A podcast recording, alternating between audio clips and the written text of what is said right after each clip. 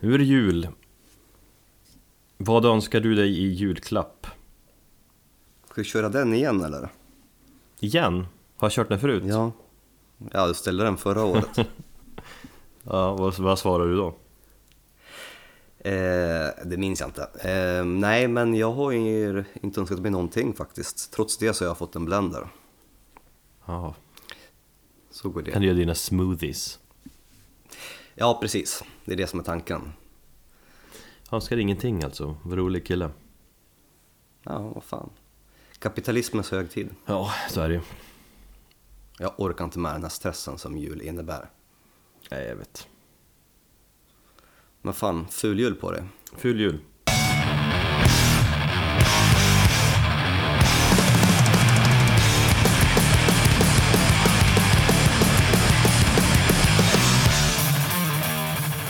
Hej och välkommen till Metalpodden avsnitt 64 Podcasten... Oh. Va? Nej, förlåt, jag avbröt ditt flow där. Och, ska vi säga Och vad då? Och... Ja, det var ju du som skulle säga och eh, podcasten. Jag tänkte säga att det är podcasten där vi går på djupet Eller oftast på djupet i alla fall inom eh, den musikgenre vi älskar Den vi brinner för, metal och hårdrock Ja, vi får ta och dyka ner lite djupare i nästa år tycker jag. Har vi inte gjort det i år menar du? Nej, inte nu på sistone. Det har bara varit listor och skit. Ja men det är ju vi- viss djupdykning då i utvalda skivor Ja, jag vill känna dig djupt där inne Erik. Mm. Känner du dig peppad då? Ja, jo, alltså söndag kväll Jag har faktiskt slagit på bastun här så att jag tänkte liksom avsluta kvällen med en bastu efter det här Mm. Har du så här ris du kan piska dig med också? Det är ju bara finnar som kör sånt vad vet jag. Nej jag vet inte Nej det har jag aldrig gjort Ja. Och du har tänt på i kaminen också? Nej, inte idag Nej. Men det här blir ju årets sista avsnitt innan vi tar ett litet eh, jullov får vi väl säga Återkommer då nästa år med säsong 5 av Metalpodden Det var det jag tänkte säga när jag, avbröt dig där. Just Nej men det är lite nyttigt Ja, med, med lite paus Att vi får reflektera lite och tänka Precis, så eh, när det här avsnittet sänds då har jag eh, flytt stan och gömt mig i skogarna i Västerås tänkte jag säga. Nej, jag har väl inte gjort det men hos familjen. mm. Och så får vi väl hoppas att våra lyssnare saknar oss, eller får sakna oss en stund Det är ju nyttigt också Vart är de någonstans? absolut. När kommer de tillbaka? Som en, som en bra relation, man får liksom ta och ge lite grann och när glaset blir halvtomt då, då får man ta och... Fylla på Ja, precis. mm. Då, då kommer vi tillbaka med ny kraft Nästa år Precis, och eh, relationspodden. Ja, om man vill Nej, men jag är extra pepp för att jag är ensam faktiskt. Jag kom tillbaka till eh, Stockholm idag och eh, har några dagar för mig själv nu innan jag åker tillbaka. Så att eh, jag sitter här i mitt vardagsrum och spelar in faktiskt, vilket är ganska så skönt och bekvämt. såg lite lus- Första lustigt gången. ut när du gjorde det Men det är bra, då kan du Då kan du röja på friskt Prata högljutt och skrika och Lägga in många känslor i dina argument här i det här avsnittet Och det är det jag tänkte att, man skulle, att vi skulle göra. Därför att eh, de, spontant så känns eh, topp 10 lite mer eh, känslomässiga än ja, 11 till 20, eller hur? Ja, absolut. Eller? Jo, men det är skivor som har, är bättre, har gett oss mer. Däremot kan jag kanske tänka att plats 20 till 11 är mer intressant. Det är där man hittar mycket intre- mer intressanta grejer. Lite de här bortglömda, eller där man ger till andra då, de här musiktipsen. Precis, och en hel del eh, saker som man själv kanske har missat. Ja, precis. Tänkte på Dune där. Mm. Eller Dvne, det heter. Har du lyssnat? Nej. Gillar du dem? Eh, jag lyssnade på eh, lite grann på dem efter att vi hade, efter förra avsnittet, så att det, lät, det lät bra. Du lyssnar igenom med så här, två låtar och Jag har faktiskt haft lite eh, musik, ja för att säga paus här under helgen. Mm. Så jag är ganska sugen på att lyssna på någonting nytt nu. Jag lyssnade faktiskt på jazz på svenska igår. Jaha, ja. Så att, och somnade inte det, så det var lite annorlunda.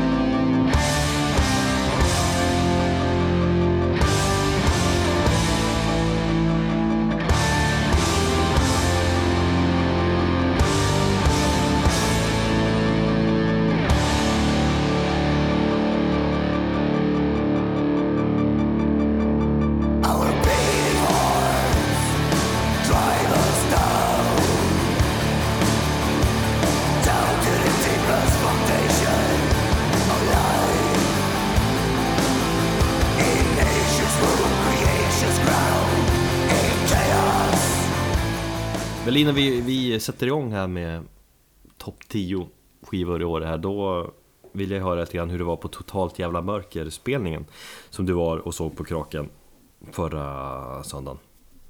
Mm, precis. Eh, det var en... eh, Bandets sista spelning någonsin, deras eh, episka svanesång eller man säger. Till återföreningen. Nej, de ger sig ju nu. Nej, jag tror faktiskt också det. Det känns inte som ett band som skulle göra någonting sånt. De har insett, som jag har fått känslan av, att de är inget band längre. Det är ingen som skriver låtar, det är ingen som orkar bry sig. Vi får inte ihop den skiten, vad gör vi? Ja, men vi kör en avslutningsgig och sen lägger vi ner. Ja. ja, det var ganska känslosamt för, för bandet på scen märkte jag. Skar sig lite grann i rösten där i mellan snacket när de tackade för sig så... Skars lite grann i armen, armarna tror jag du skulle säga. Det hade varit coolare. Ja, nej tyvärr inte. Alltså var det lite grann av den här 90-tals Umeå HC-känslan intakt i, i liksom bandets stil som jag tyckte var ganska så eh, gulligt på något sätt. Mm. Helt svart, och så var det liksom den här lite emo-luggen på, på, på, på gitarristen där och, och så. så det var, eller på bas- basisten. Så att det var, ja men det var ganska, det var, eller det var, spelningen i sig var skitbra. Det var en urladdning skulle jag kunna säga faktiskt. Du stod ju längst fram eh, till höger, om jag det rätt. Stämmer bra det. Var det bra ljud där? Ja, jag tyckte det. Det var nog säkert kanske inte lika bra ljud som i mitten, men där morsades friskt. Så att jag, jag var inte riktigt sugen på det. Men jag åkte dit med Niklas och han röjde under hela spelningen Ja, faktiskt. fan vad kul. Ja. Eh, vil- vilka gästartister var med? För det var någon. Eh, Det var Thomas från Breach. Okej. Jag är ju inte sådär jätte eh, inne på Breach eller har så större koll på dem. Men jag vet att det var ganska så, det var en snackis. Det var ganska kul. Alla västerbottningar jag känner håller ju Breach som världens bästa band. Jo, jag vet. Jag vet. Eh, nej, sen så hade de liksom originalsångarna, sen så hade de, eh, fan ett tag så var de, tror jag, nio personer på scenen och typ fyra sångare, sångare som höll på att skrika allihopa. Mm.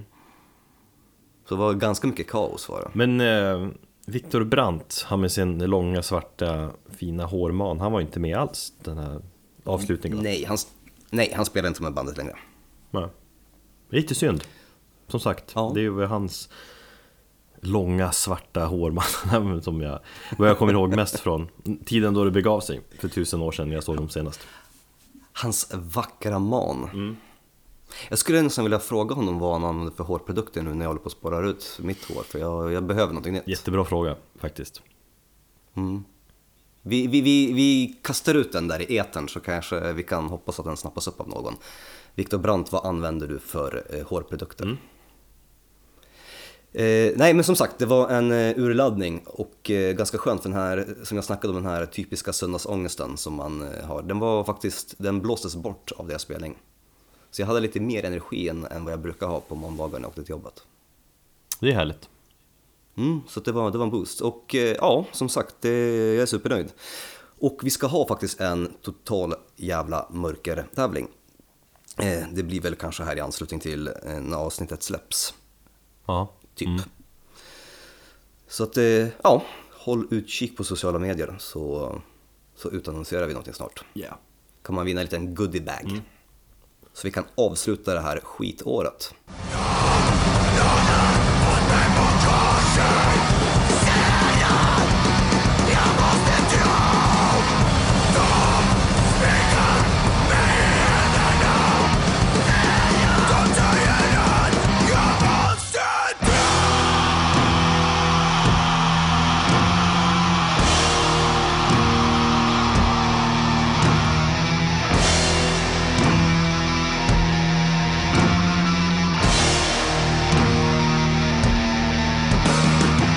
Vi fortsätter från eh, förra avsnittet helt enkelt med att lista årets bästa album.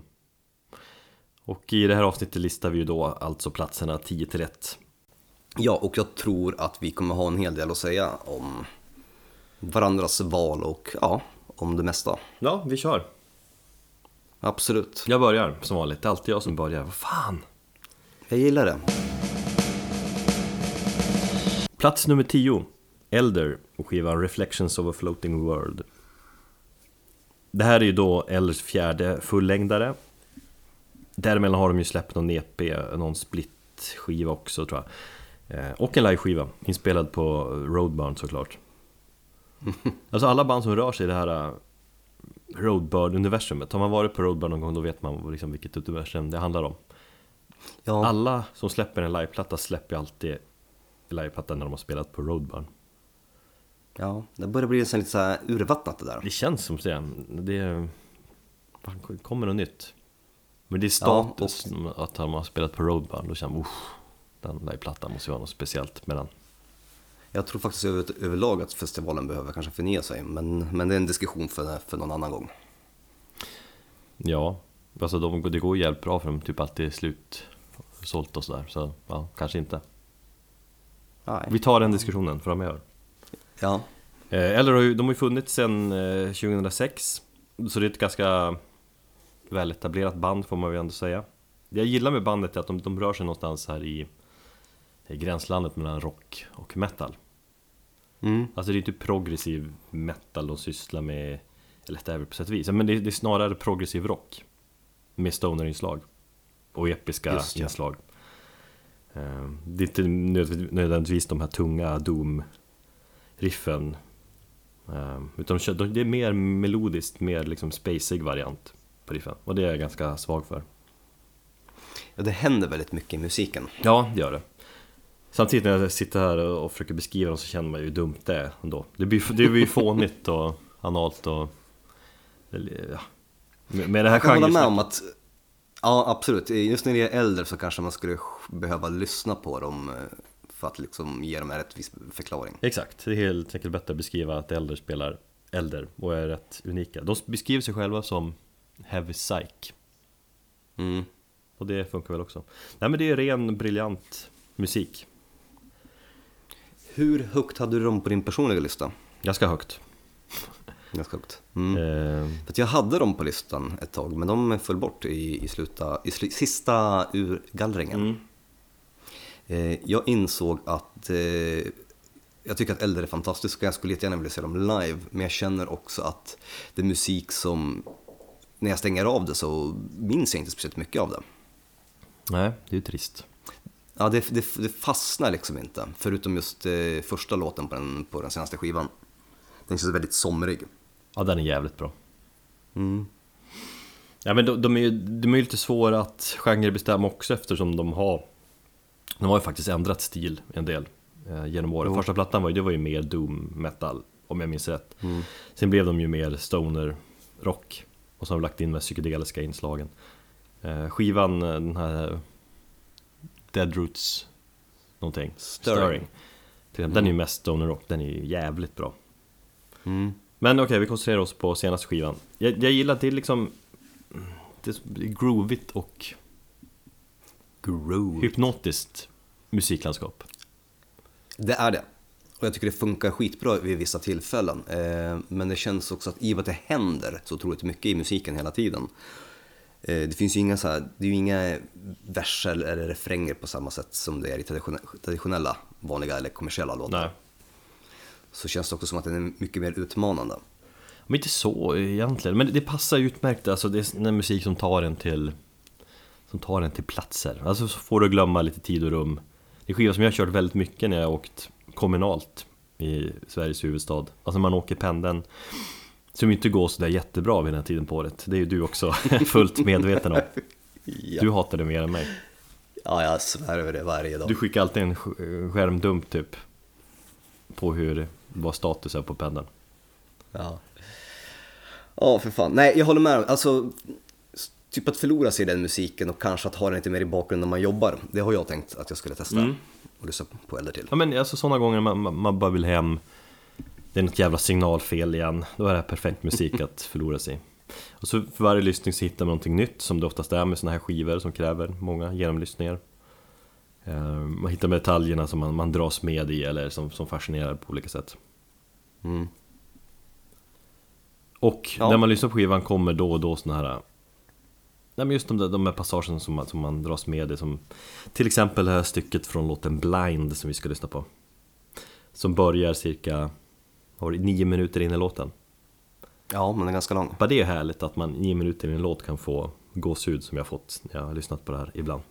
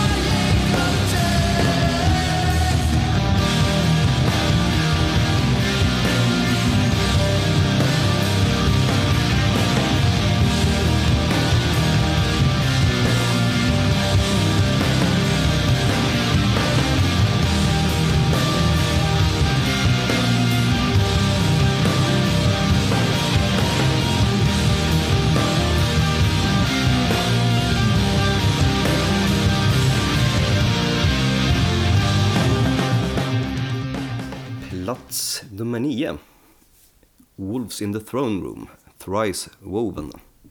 Eh, ja, vad ska man säga? Wolves in the Throne Room. Att jag hade den precis Klara. utanför min topp 20 Är det så För att pass? kontra med det då Ja, Mm.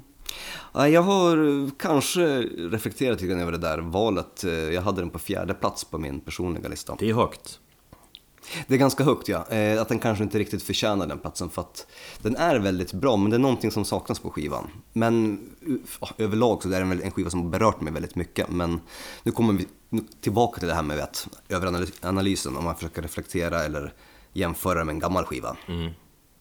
Och det var då jag kände att nej, det blir lite för mycket. Men den har ändå gett mig ganska mycket i år. Den är jävligt mysig. Ja, det är den, absolut Tillsammans med Myrkur så har både har Wolves in the Throne Room typ hög mysfaktor i år. mm. Nej men bandet kom ju tillbaka efter en tids eh, uppehåll. Eh, de släppte ju Celestial Lineage 2011 och sen släppte de en systerskiva som hette Celestite nå, något eller några år senare. Som var deras svanesång och en sån här ambient variant av den förra, förra skivan. Så det var ganska kul, var fyra år, är inte sån, sånt jäkla uppehåll heller. Hur ofta brukar de släppa skivor egentligen? Alltså med vilka... Alltså bandet tog ju en paus, Ja. sa de. Och då tror man ju att de ska vara borta ganska länge, sen fyra år senare så kommer de med en skiva. Ibland är det ju vanligt att gå fyra år mellan en skiva Jo, precis med olika artister. Eh, gästspel av Anna von Hauswolf och eh, Steve von Till. Eh, och det vi ska höra är just hans lilla bidrag på låten The Old Ones Are With Us. We are becoming. We are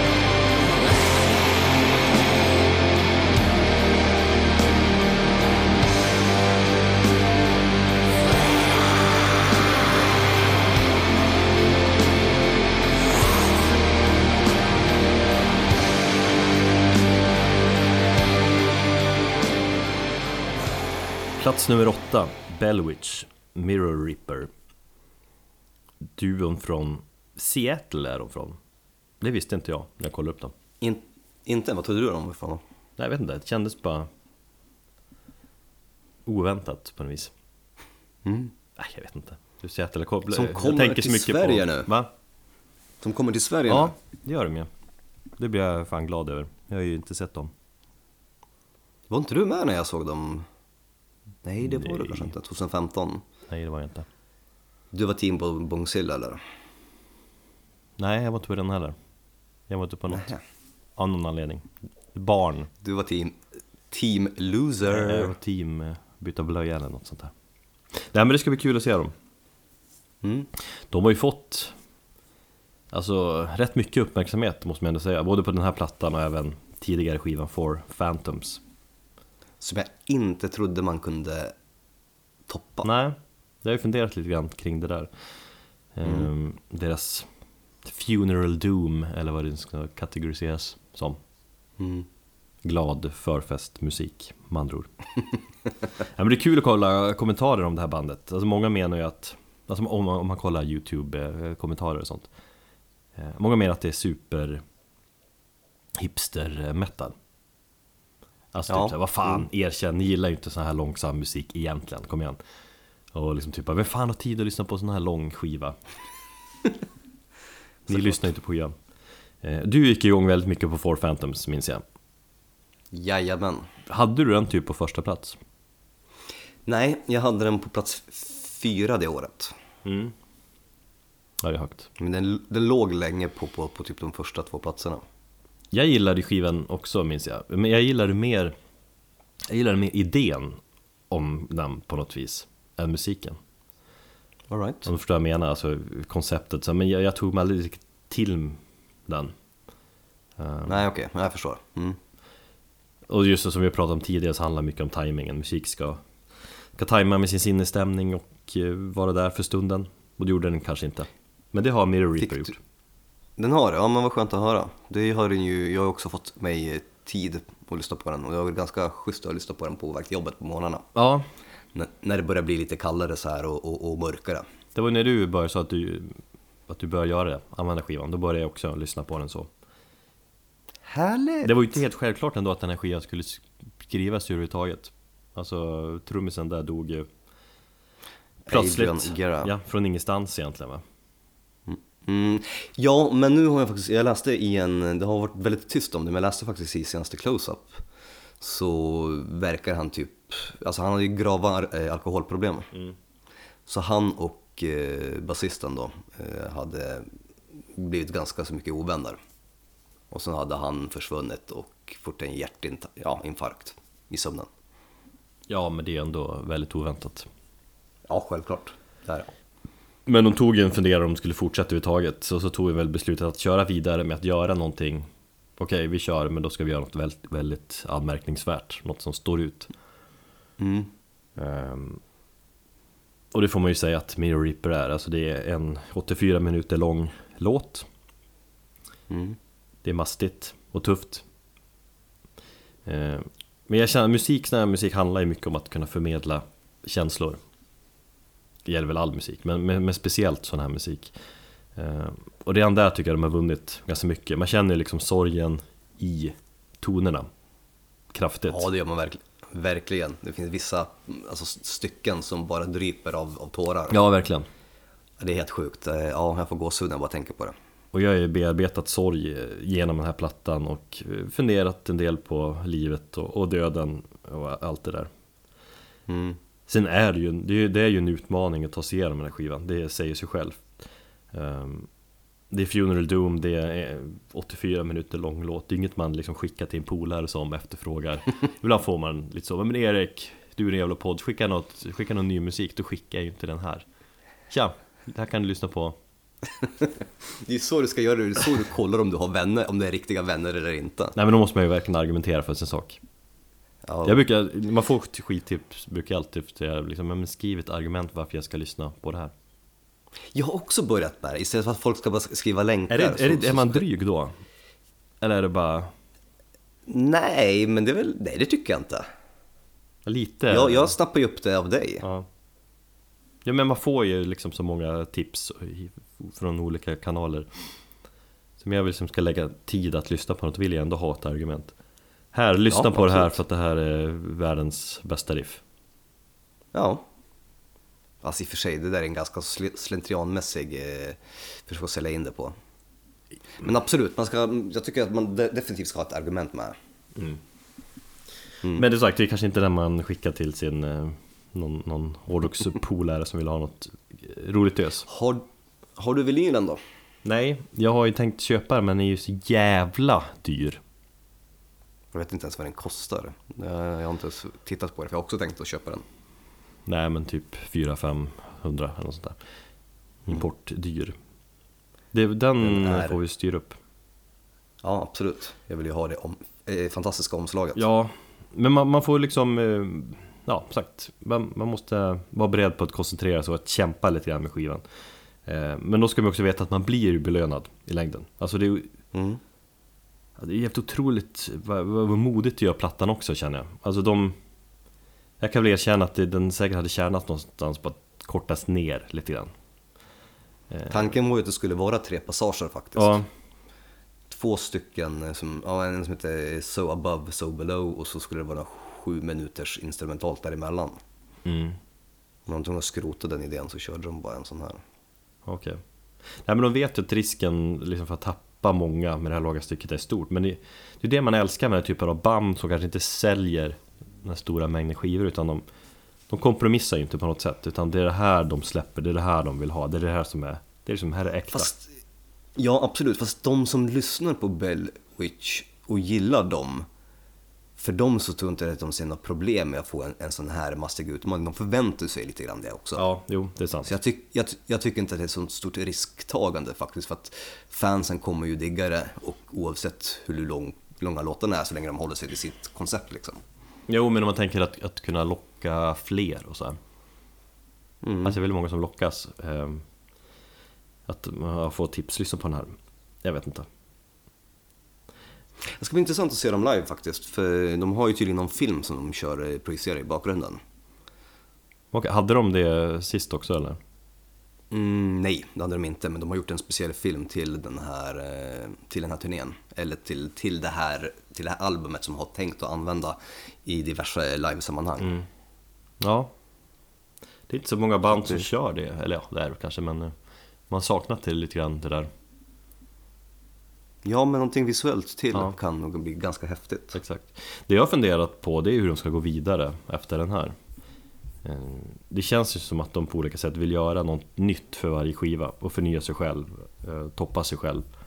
Eller det är väl i alla fall vad lyssnarna förväntar sig. Fansen. De kommer spela snabbare. de, de kommer ju hamna där. Ja, det var ju jättetråkigt. Nej, fan, fuck it, vi kör grind. Ja. Ja. ja, men det ska bli intressant att se. Skitsamma. Vi... eh, Har, du hör, har du hört förresten eh, det här eh, stycket där Adrian Geras eh, sång är med? Det finns ju ett speciell passage i, på själva skivan. Ja, men jag vet inte exakt när den är då. Jag har inte vetat att Nej, det var okej. det. Vi ska lyssna på ett litet parti som kommer för en halvtimme in i låten. Yes. Som är jävligt fint. Ett soundtrack över eh, en vacker sorg på något vis.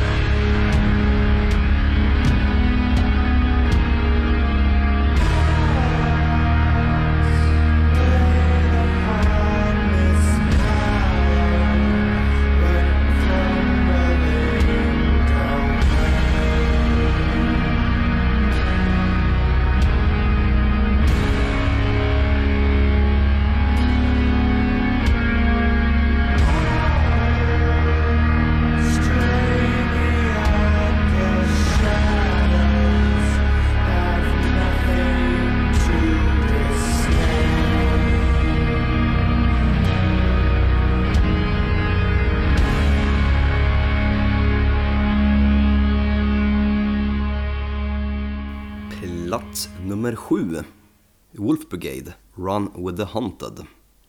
Du hade den jättehögt upp du också va? Mm. Jag gick... Fan, jag blev...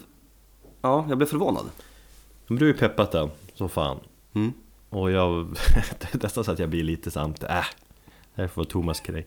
Nej men det, Ja, men det går fan, som inte att... eh, att stå emot den på det det är, det är sånt jävla bra jävla gös. Det, det är typ sådär man vill låta i, i replokalen. Bara ett jäkla röj. Ja, det är därför. Ja, nej men jag håller med dig. Det är ett jävla röj och som ett jävla upptjackat eh, och brunstigare helikopters. Tycker jag. Ja, Men jo. bra- bra- alltså inte hela tiden men det finns sådana vibbar när det blir liksom rock'n'roll. Ja, det Det finns ju någon låt, om det är i Warsaw Speedwolf eller så, där de har ju snott något eh, lick direkt från Kiss.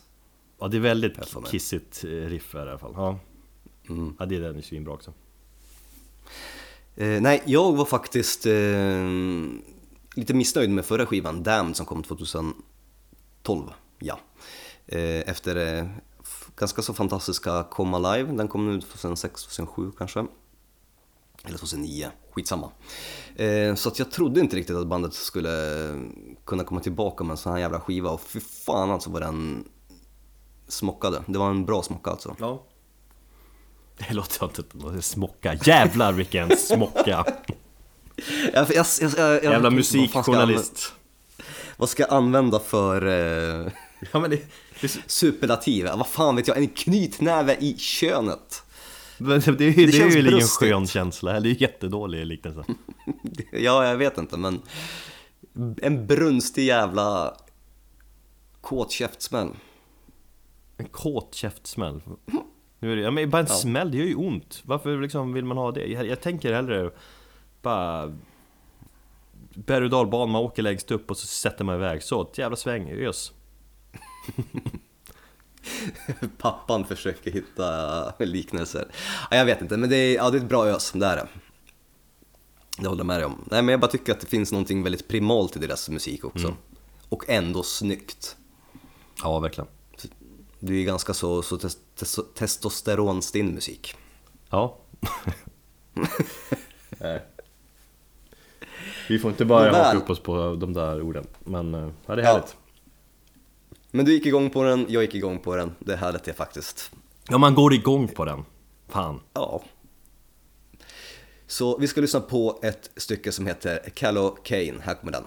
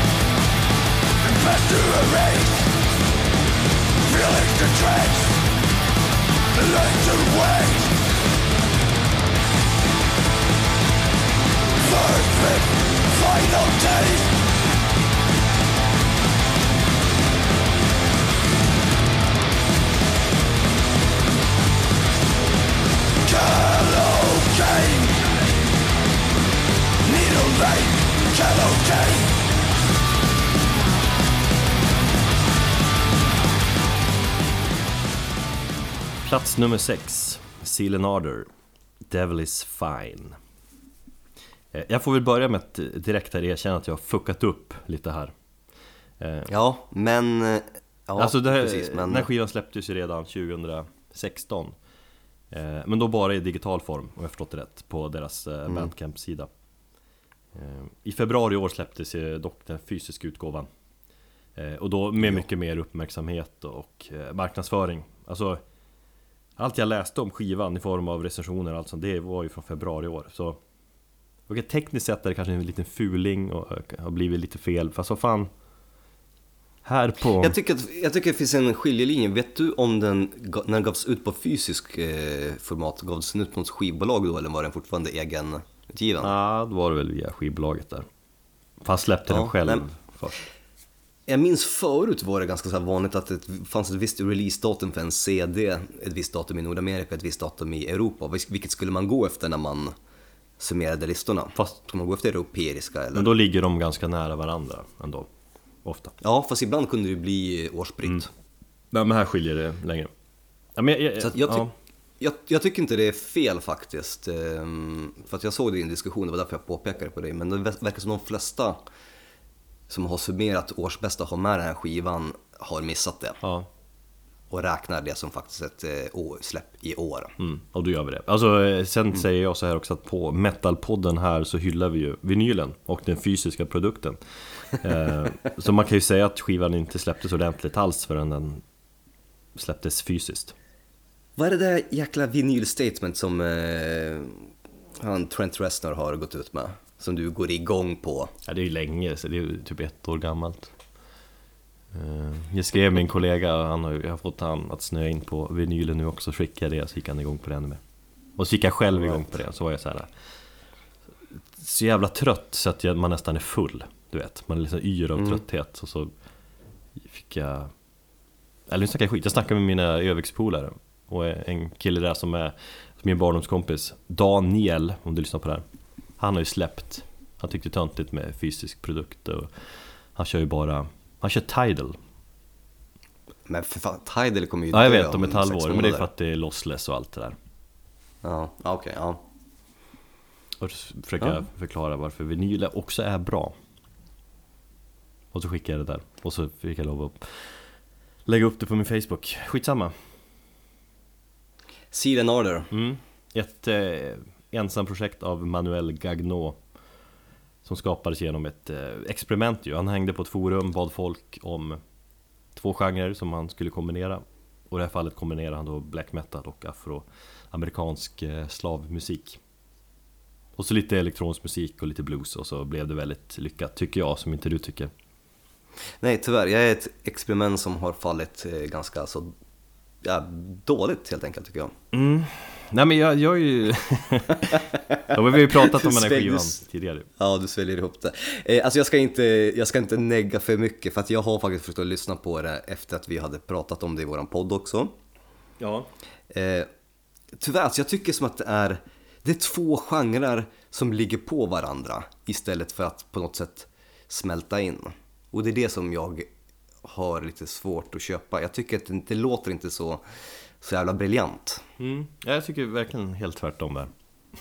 Jo, jag vet. eh, Men däremot tycker jag att idén är asläcker därför att just, jag får ju lite, jag blir ju nyfiken på att kolla upp eh, amerikansk slavmusik för det finns väldigt mycket mörker där Ja. i. Och mörkret kan ju passa black metal på det sättet. Ja. Men jag tycker utförandet i mina ögon blev tyvärr ganska så platt. Jag är ju som sagt svag för musik som, som berör, eller som sätter en stämning kan man väl säga. Mm.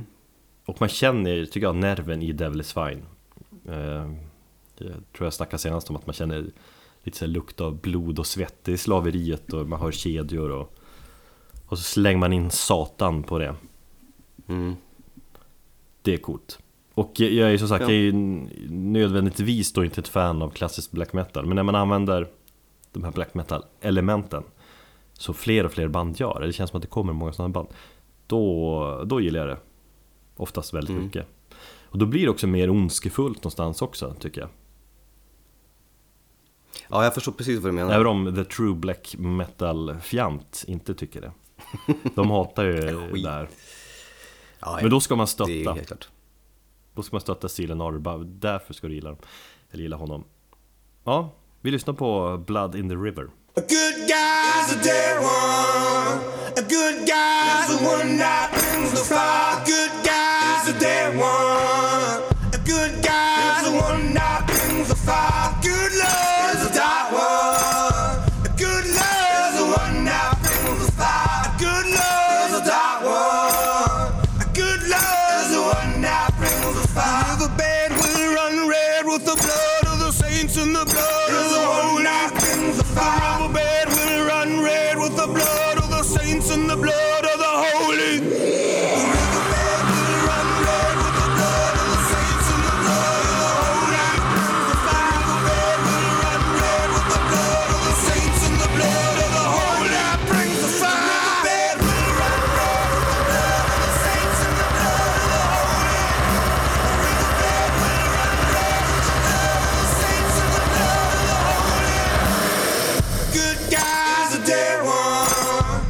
Plats nummer fem. eh, Monolord och Rust. Eh, Egentligen så, vad, vad finns det att säga vad vi inte, som vi inte har sagt om Monolord?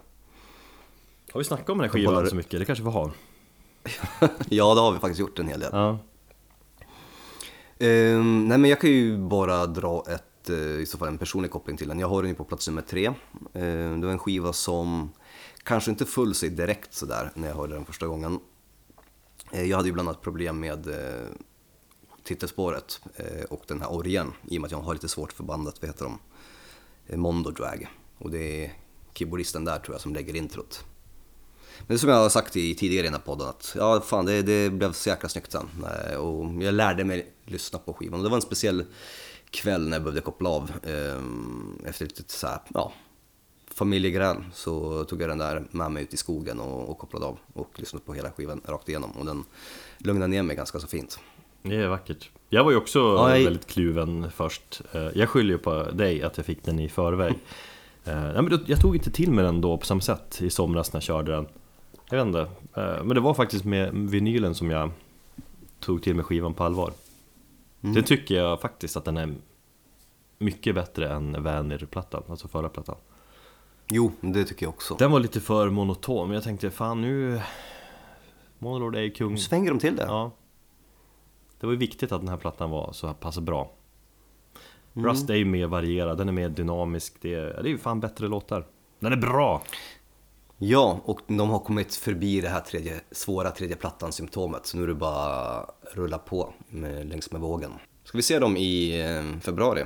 Klart vi ska. Mm, det ska vi lätt göra. Vi, vi tar en semesterdag dagen efter. Ja, precis. Och så ska vi, vi måste stage-diva där under Empress Rising. Ja, faktiskt stage-diva till den typen av musik. Det kan man väl? Kan man det? Jag tror Thomas Jäger själv har gjort det någon gång. Jaså? Förhoppningsvis kanske vi kan ta ett snack också med bandet. Det får tiden utvisa. Eh, nej men som sagt, vi, Metalpodden gillar Monolord, det är inga konstigheter. Eh, Rust tycker jag är som sagt ett jävla snyggt eh, sätt att komma över just den här tredje svåra plattan. Och på något sätt ändå behålla sin ljudbild och liksom utvecklas. Ja, och jävligt Så att, coolt skivomslag också.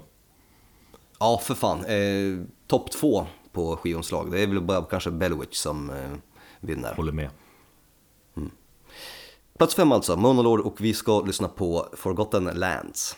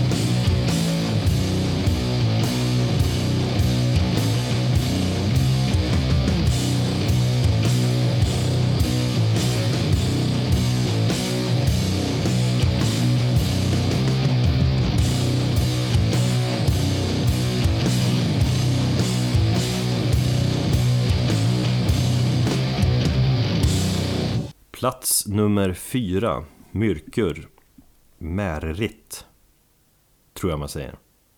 Mm. Danskjävlar. Myrkur, det är också en, eh, det är också en skiva jag snackar mycket om. Ja. Den som är mysigast tillsammans med Wolves in the Throne. Mm. Nej men jag tror vi vill lämna den skivan en del, både du och jag. Möjligtvis, jag kommer fan inte ihåg vad vi snackade om längre i den här podden. Nej, för fan. Så om det blir upprepningar så beror det helt enkelt på det. Det känns som att jag upprepar mig hela tiden. Men det är härligt. Eh, Det är ju danska Emily Brun, eh, sångerska och låtskrivare som... Hon ju- kan ju spela massa instrument också. Och så kommer hon från popvärlden där hon har haft en karriär och kör Myrkur nu då. Eh, En av många anledningar till att många av de här så kallade bakåtsträvande, patetiska, så kallade true black metal-fansen, fjantarna inte gillar det. Nej, jag ska sluta hacka ner på dem. Hacka ner på de där tuntorna, det spelar väl ingen Eh, och att hon är kvinna förstås. Heller. givetvis. Men jag är jävligt svag för mörker och det är ju du också. Jajamän, och det lossnade faktiskt eh, på riktigt med den här skivan. I och med att jag har ju också sagt att jag haft lite svårt för henne tidigare. Mm. Jag har, inte, jag har inte kunnat det fullt ut, men jävlar vad hon hittat sin egen grej på den här skivan och jag tycker den är helt fantastisk. Och jag känner också sen nu när vi pratade, jag minns inte, jag hade den på typ tror jag, elfte plats på min personliga.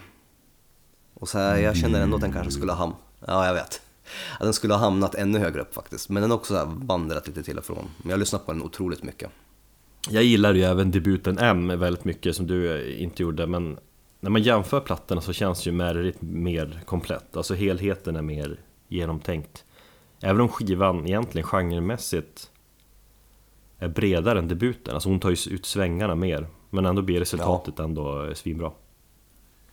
Det är eh, en av, eller trummisen från Wolves in the Throne Room som spelar på den här skivan. Ja, Det visste jag faktiskt inte. Nej. ja det har jag noll koll på vilka de andra är som spelar. Hon spelar ju mycket själv också. Jo. Men det är ju en speciell stil, alltså en blandning av skandinavisk eh, folkmusik och eh, black metal och väldigt mycket mm, ja, atmosfäriska element. Mm. Men det är ju långt ifrån, alltså när man beskriver det så så låter det kanske lite svårt, men det är långt ifrån svår musik att lyssna på. Det är, egentligen är det ju rätt lättillgängligt, får man ju ändå säga. Ja, alltså rent alltså strukturmässigt så tycker jag det är, ganska så, så enkelt Ja. på det sättet. Men det är ju inte det, är inte det som är det viktiga, utan det är ju den kä- känslan som skivan förmedlar. Ja, jag tycker huvudgrejen är hennes eh, sång. Det är den som berör, det är den som hon varierar på alla möjliga sätt. Hon sjunger bättre än på förra skivan, eller som rösten får ju ta, ta mer plats, får vara mer i centrum. Hon gör ju också en duett med eh, Chelsea Wolf. Mm. Det är en av mina favoritlåtar från, på skivan. Ja, den är fin. Nej, på alla sätt en, en mycket bättre skiva och eh, man blir ju lite sugen på att se, dem, se henne som förband innan Solstafir. Mm, men inte så sugen alls ändå. Nej, för Solstafir är kassa. Det är, det är de ju faktiskt inte. Jo, de är jättetråkiga. Live är de ju bra. Senaste skivan, jag tror jag bara lyssnade igenom halva skivan, så kände jag att nej. Men, eh, ja, vi ska ju, eller jag ska ju se dem på onsdag, Mm, jag vet. när vi pratar här nu. Du får rapportera om Men jag, och så har jag tänkt att du ändå ska haka på för att du är Du har ju som ingen ursäkt för att inte haka Det är för att du är fortfarande lite små bakis sen din julfest och du skulle ta en öl som slutar med fem och att du smsade med ett, ett, en Metapodden-lyssnare och trodde att det var en polare, eller hur var det? Eh, ja, precis. Nej, men han kallar sig för Martin B, men det var en annan Martin B. Så kan det gå ibland, men eh, vad fan, eh, jag kommer ju hem i, i städat skick faktiskt.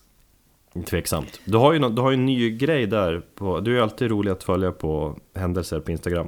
kan jag rekommendera ni andra att göra också. Ehm, det, det, det du filmar dig själv, du har ju alltid gillat att filma dig själv, men du filmar dig själv, går några sekunder, sen händer det någonting. Det dyker upp någonting i filmen. I det här fallet var det som ett ölglas som du smuttar på fem gånger om. Och så har du fortsatt med det där.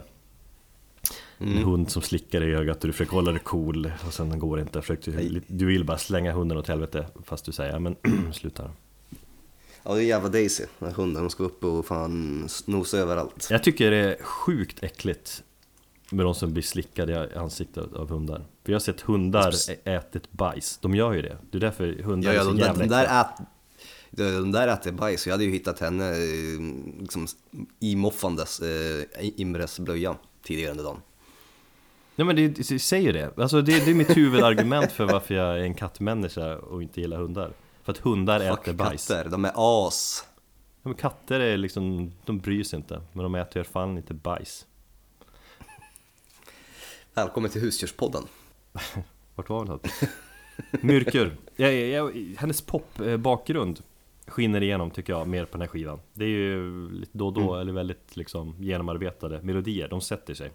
Och så gillar jag kontrasten just med den där hårda, det här ur, ursinniga och det där vackra, kalla vemodet. Eh, Men om man ska vara lite petig så har jag tänkt att eller jag skulle önska till nästa skiva att det skulle vara ännu mer aggressivt, ännu mer ursinnigt i de här renodlade Typ renodlade black metal-partierna Då tror jag effekten skulle bli större Ja, vi får se vad hon går vägen Mm. nästa gång. Ja, så ska ja exakt, det ska bli intressant. Det blir mer kommersiellt, mer av samma, mer åt black metal. Tiden får utvisa. Vi lyssnar på Måne Blöt.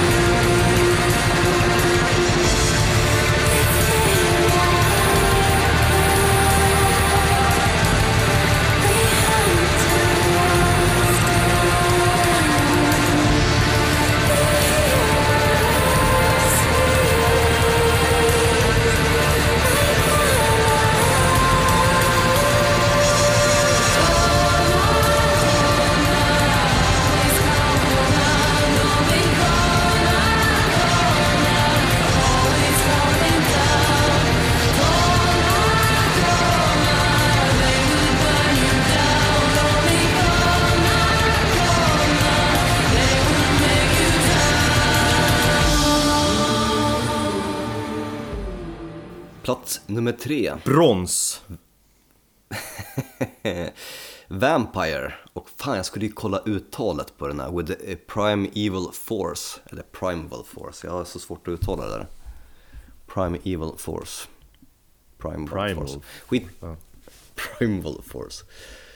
Eh, hörru du. Eh, bandets andra platta.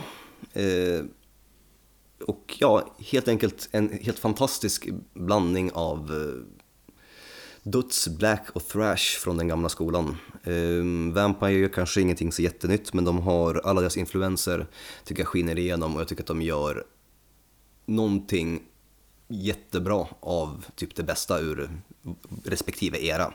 Och för på något sätt eh, fanan vidare. Ja, jag håller med helt och hållet. Eh, Otroligt kompetent och eh, imponerande skiva. Mm. På alla sätt. Eh, förvånat att den ändå kom så pass högt upp, får jag säga. Men du hade, vilken plats hade du den på? Du? Jag hade den på plats nummer två. Ja. Eh, Jag visste att du skulle ha den högt också. Men eh, ja, nej, men jag, man, man gillar den. Det jag ändå saknar, måste klaga, för det måste jag göra nu i och med att du, du hyllar den så mycket. Det är ju topparna på något vis. Att den är genom jämn. Alltså, det fanns ju, om man kollar på debuten, fanns det ju några mer hits. Alltså Howl from the Coffin och Mm. The Fen och så här, som, som sätter sig så hitmässigt. Sen är det ju här en bättre platta i övrigt än debuten men jag saknar kanske just de här topparna lite mer. I och med att jag tror att de är lite mer kompetent låtskrivning, de har lärt sig ganska mycket från förra plattan så har de väl kanske försökt att... Så det har blivit mer tight och därför kanske, jag tycker musiken i, överlag håller jä- jämn och högre kvalitet. Men jag förstår vad du menar, för det var ju lite mer, ja men det var hittigt på förra plattan. Men jag tycker ändå att det finns en hel del hit, alltså jag har ju gått omkring och lett på, på, på gatan till den här eh, skivan och det är ju introt i första spåret och när den här svärdet åker ut, såg, eller åker ut slidan. Jag ser framför mig hur du luft tar fram svärdet där på, på Så många gånger som jag satt den låten eh, som, som ska spelas så fort jag kommer ut eh, från jobbet och går Gamla gatan, det var när, jag fortfarande, eller när vi satt fortfarande på Gamla gatan på kontoret. Och så kommer den där svärdklingan upp och så bara, nej, ja man vill ju göra någonting likadant. Då gick du vidare direkt till E-Types uh, Vikingakrog och frågade om du Ja, fick precis. dra ett svärd ur en skida, slida, vad säger man? Slida. Mm. Och sen så faktumet att på andra spåret har de ju också en, istället för att säga go, som brukar vara så pass brukligt i eh, ja, thrash metal för att få liksom markera ett bryt och sen skynda på musiken, så säger han vamos på spanska. Det är också en skön detalj som jag gillar. Jag tänker ju ofta på sångaren när jag hör skivan i och med att jag lyssnar så mycket på eh, hans podd Varje timme. Vargtimmen Mm. Så tänker jag, och på sådana där grejer så tänker jag liksom att han är, han är ju en smart, intelligent eh, kille att Han tänker på många sådana detaljer Ja, jo verkligen. Ja, den här skivan har gett mig många, många leenden genom eh, våren och sommaren faktiskt. Och egentligen kanske en, en sån bra blandning. Det är kanske är en skiva som jag skulle, om någon skulle vilja veta vad jag lyssnar på musik och aldrig hört talas om hårdrock så är förmodligen Vampire skulle vi ge dem. Speciellt eftersom att det, den, den inte är renodlad, det är så mycket liksom eh, blandningar av, av Mm. lite allt möjligt För mig personligen så skulle det vara den plattan som beskriver vad jag, vad jag gillar inom hårdrocken. mm. Ja, det förstår jag Plats nummer tre alltså. Ehm, och eh, vi ska spela låten Ghoul Wind.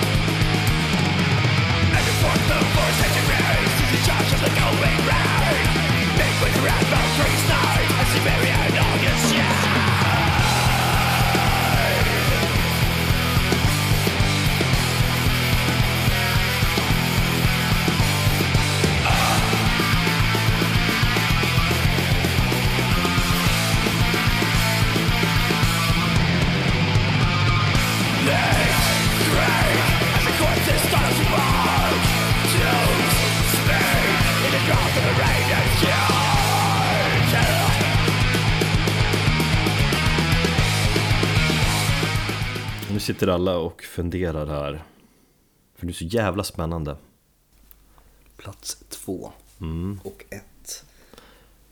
Plats nummer två Mastodon Emperor of Sand mm.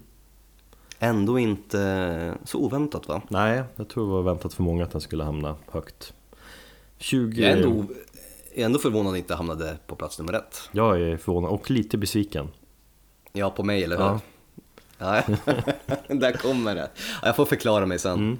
Jag får köra på ett tag. Eh, 2000-talets viktigaste metalband och kanske också det mest nyskapande för eh, massorna i alla fall.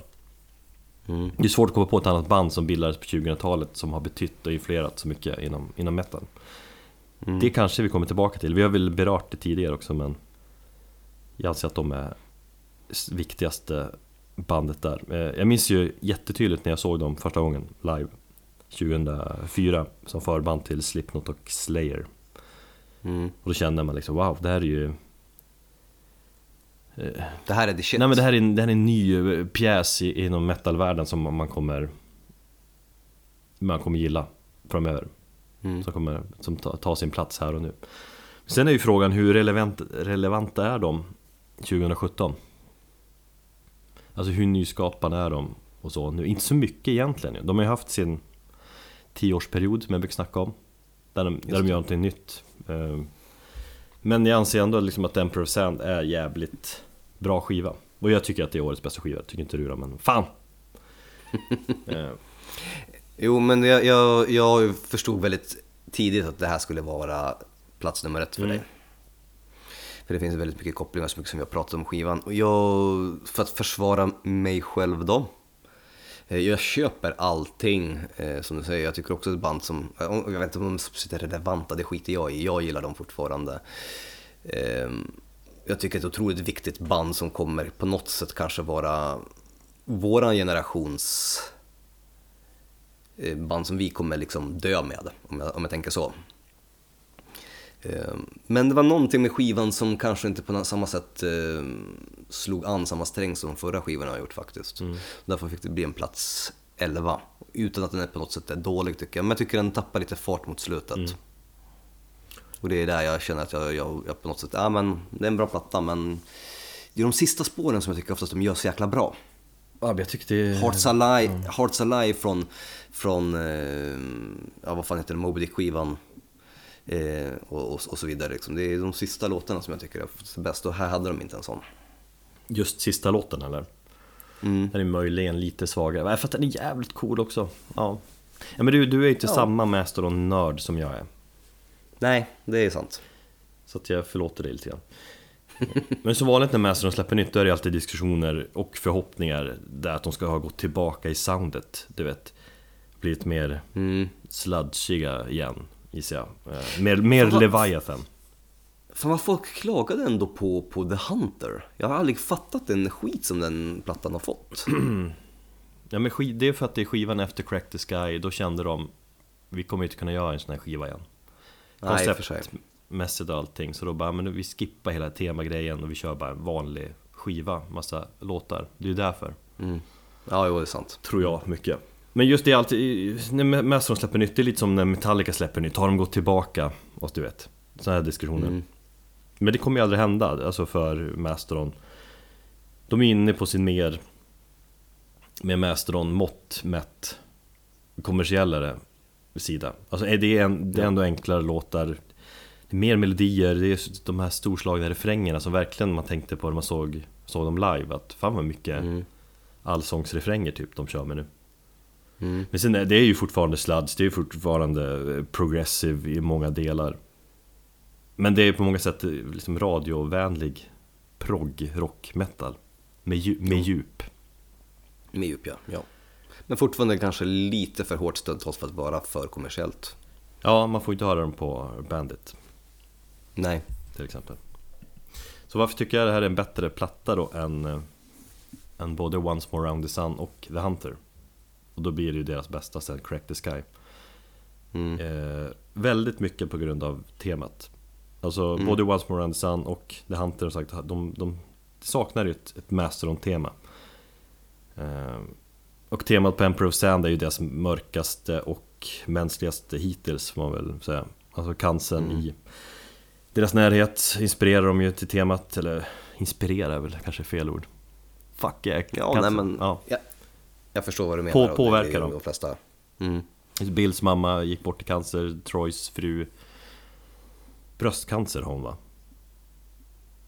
Tror jag Ja, just ja. Jo. Och även Brands mamma har ju kämpat med diverse besvär eh, i Mm. många år Eh, Så just när tiden var som jobbigast för de här bandmedlemmarna i Mastodon så har de ändå träffats på morgonen över kaffet Diskuterat liksom hur deras morsor och deras, ja men vad status är på deras sjuka familjemedlemmar. Och sen har de gått in i replokalen och bankat eh, skiten ur det hela.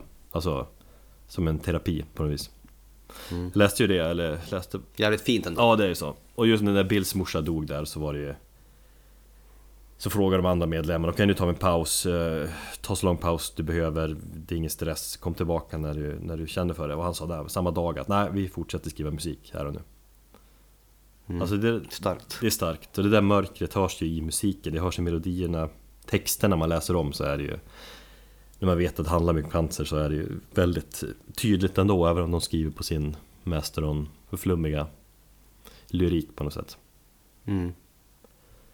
Eh, Men just vetskapen om cancerhelvetet gör ju skivan så mycket mörkare och, och då mycket bättre Mm. Om ett, För mig är det ett tema som berör Ja men då berör det musiken också på vis. Jo, men det är en motivering som är väl, väl värd sin vikt i guld. Och Just jag som har cancern, har haft cancer väldigt nära in på mig i år Som avslutade med dödsfall så har jag verkligen liksom tagit till mig skivan Alltså som en terapiplatta på något sätt Mm. Så utifrån det perspektivet då har liksom ingen annan skiva kunnat mäta sig Egentligen med den här skivan Om man tänker på hur den har påverkat mig Och vad den har betytt för mig Mm. Så är det Plats nummer två på våran lista, plats nummer ett på din personliga. Jag kommer känna mig som ett as här nu med, jag ska presentera första, första placeringen som inte ens, jag har inte ens lika bra motivering som du. Nej, men det är det jag skulle känna att du säger nu Men vi, vi ångrar oss Nej, jag vet inte Nej men det har ju påverkat mig jag, jag, Alltså en låt som Roots Remain Nu Snackar på här. Alltså den, den, handlar ju om att se någon som har cancer Ur någon person bokstavligt talat bara tynar bort framför sina ögon Jo. Och den hjälplösheten man känner, det finns inget man kan göra. Det är så jävla brutalt. Så varje gång jag tänker eller hör en låt så tänker jag på det. Ja, den är brutal. Mm, jag. Men jag tycker ändå, alltså förutom cancertemat, tycker jag ändå att de har växt musikaliskt. Alltså de tar ut svängarna lite mer än de två senaste. Mer utflykter, det är mer space som jag gillar. Mm. Och, så det, Och lite poppigare. Och poppigare visst. Men, och, och det fascinerar ändå det här med att tre av fyra medlemmar sjunger på skivan. Att alla tre får lika mycket utrymme på något vis. Jo. Och gör det jävligt bra. Så för att eh, tydliggöra detta så lyssnar vi på Ancient Kingdom. Ja, och till nästa gång så kan vi önska oss att Bill kommer sjunga och göra ännu eh, bättre splittar på scen Mm. På nästa skiva. Men det är kung låt där, för här har man först trummis Bran inleder med att sjunga versen, sen tar Troy över och sjunger typ brygga och refrängen. Mm. Och så innan Brent tar vid med någon typ av fortsättningsrefräng eller hur man nu kategoriserar in det. Svinbra. Ancient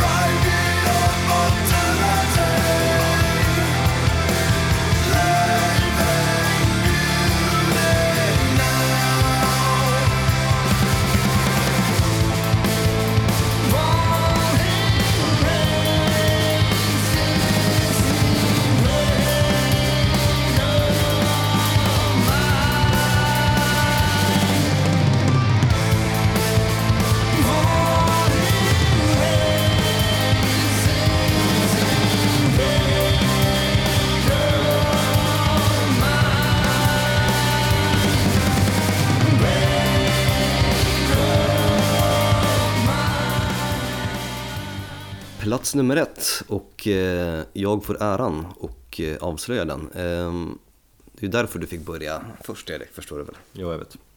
Jag tog åt mig äran. Nej, så var det faktiskt inte. Ehm, fan, jag känner efter den där motiveringen som du har gett så känns det här ju bara helt kast.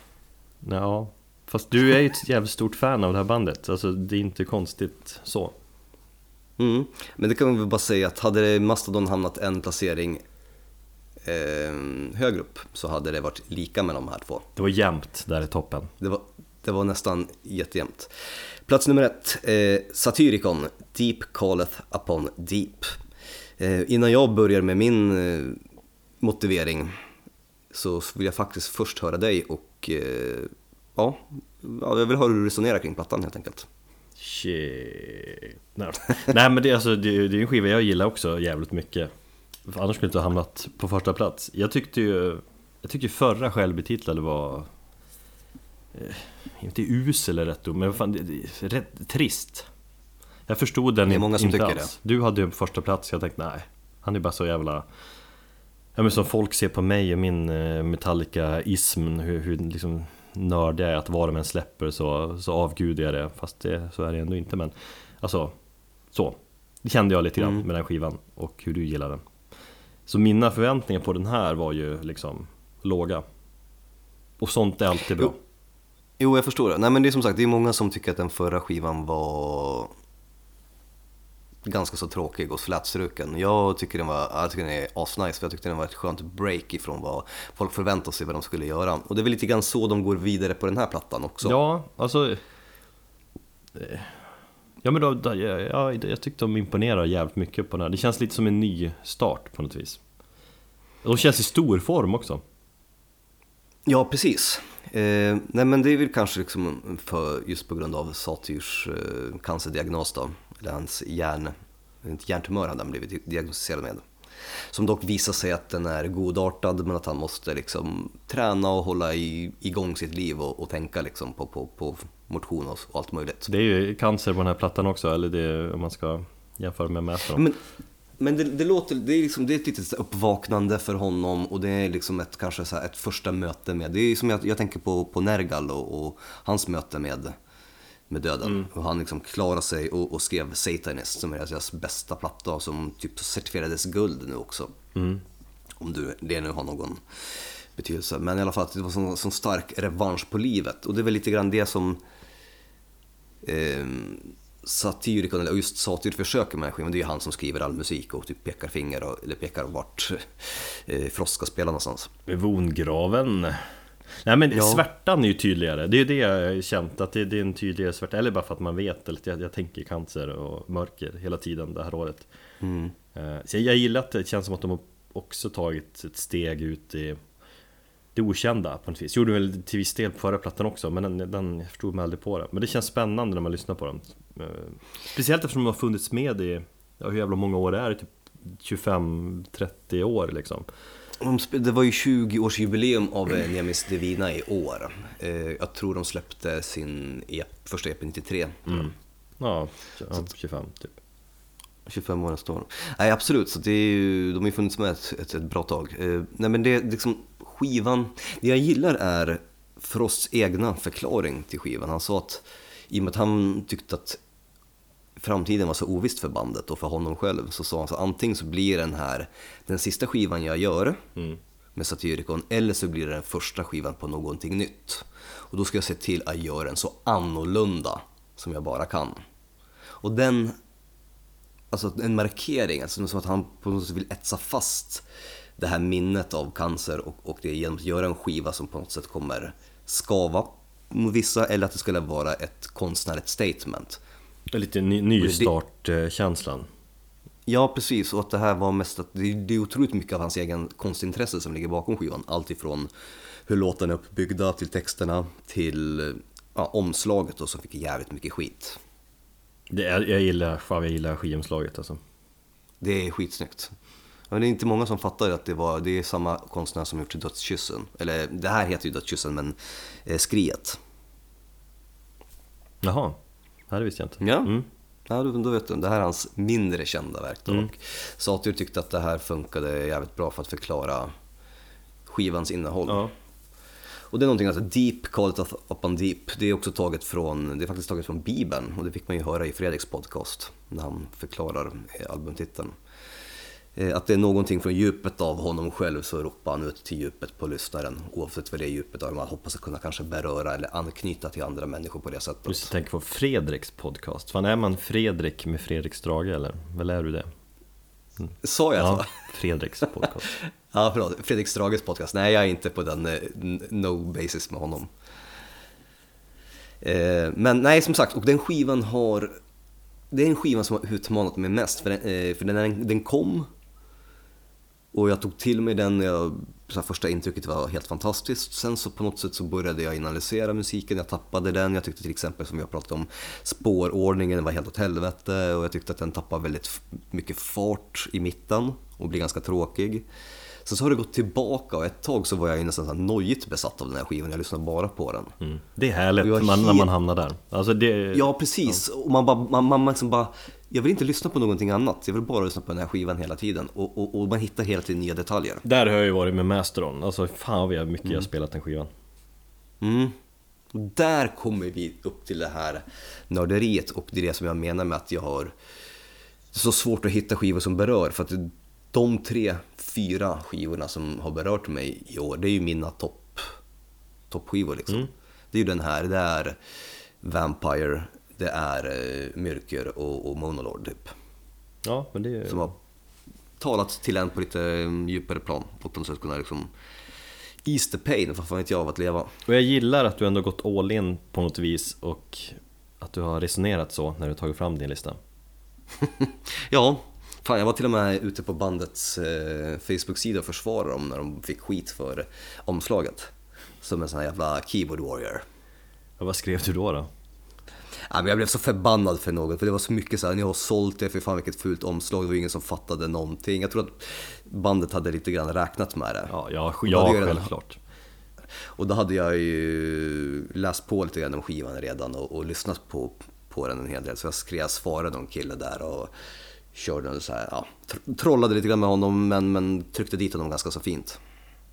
Så gav Satyricon mig en like. Det är ändå förvånande att du gjorde en sån grej. Det är, alltså, du hatar ju sånt där. Jag vet, men jag, jag, bara, jag gick igång på något jävla troll och jag kände att nej, jag ska trycka dit den här människan för jag vet hur jag kan göra det. Så det, jag, jag trycker dit den ordentligt. Så att, ja. Det var min lilla fight. I black metals namn. Men man kan ju inte kalla det för black metal längre. Alltså, jag, jag tycker väl att Satyricon har kört en egen form av black metal ganska länge. Ja, absolut. Men black rock. Black and roll hade de ju till, det var ju länge sedan de fick den beskrivningen. Mm, nu känns ju musiken mer rock. Ja. Nej men eh, som sagt, det finns en hel del på skivan som, som tilltalar och som går tillbaka och knyter an till vissa trådar med deras ursprung. Jag tycker det finns låtar som påminner lite grann om, eh, om Commando, Midnight Serpent tycker jag påminner lite grann om Commando. Eh, och även liksom Nemesis Divina, eh, deras kultplatta så att säga. På deras, den här näst sista låten som vi ska komma att höra här alldeles strax. ja, Ja. Har du något mer att tillägga? nej, Nej. härligt. Fan vad härligt. Det här var Metalpodden för 2017. Eh, nästa år, när vi kommer tillbaka, då är det säsong 5. Exakt. Fan, vi har hållit på vi- länge ändå. Ja. Och då ska vi förhoppningsvis gå igenom vad spännande 2018 erbjuder. Mm, vi har också ett antal eh, patroner med som har ämnen och grejer som vi ska prata om. Vi har Just fått ja. några, men det kommer vi köra ännu mer i början av nästa år. Mm. Så det- var inte orolig, vi kommer att kontakta er. Och om du som lyssnar också vill bestämma ett ämne som vi ska prata om i podden så blir ni en patron helt enkelt på patreon.com metalpodden. Precis. Och t-shirtar finns fortfarande för att köpa om ni är sugna på det. Fast inte många alls, men ja, Nej, Nej det var fan mindre än vad jag ja trodde. jag också. Härligt. Eh, med det så säger vi gott nytt skitår. Mm. Eller hur? Mm. Vi kanske firar eh, nyår ihop.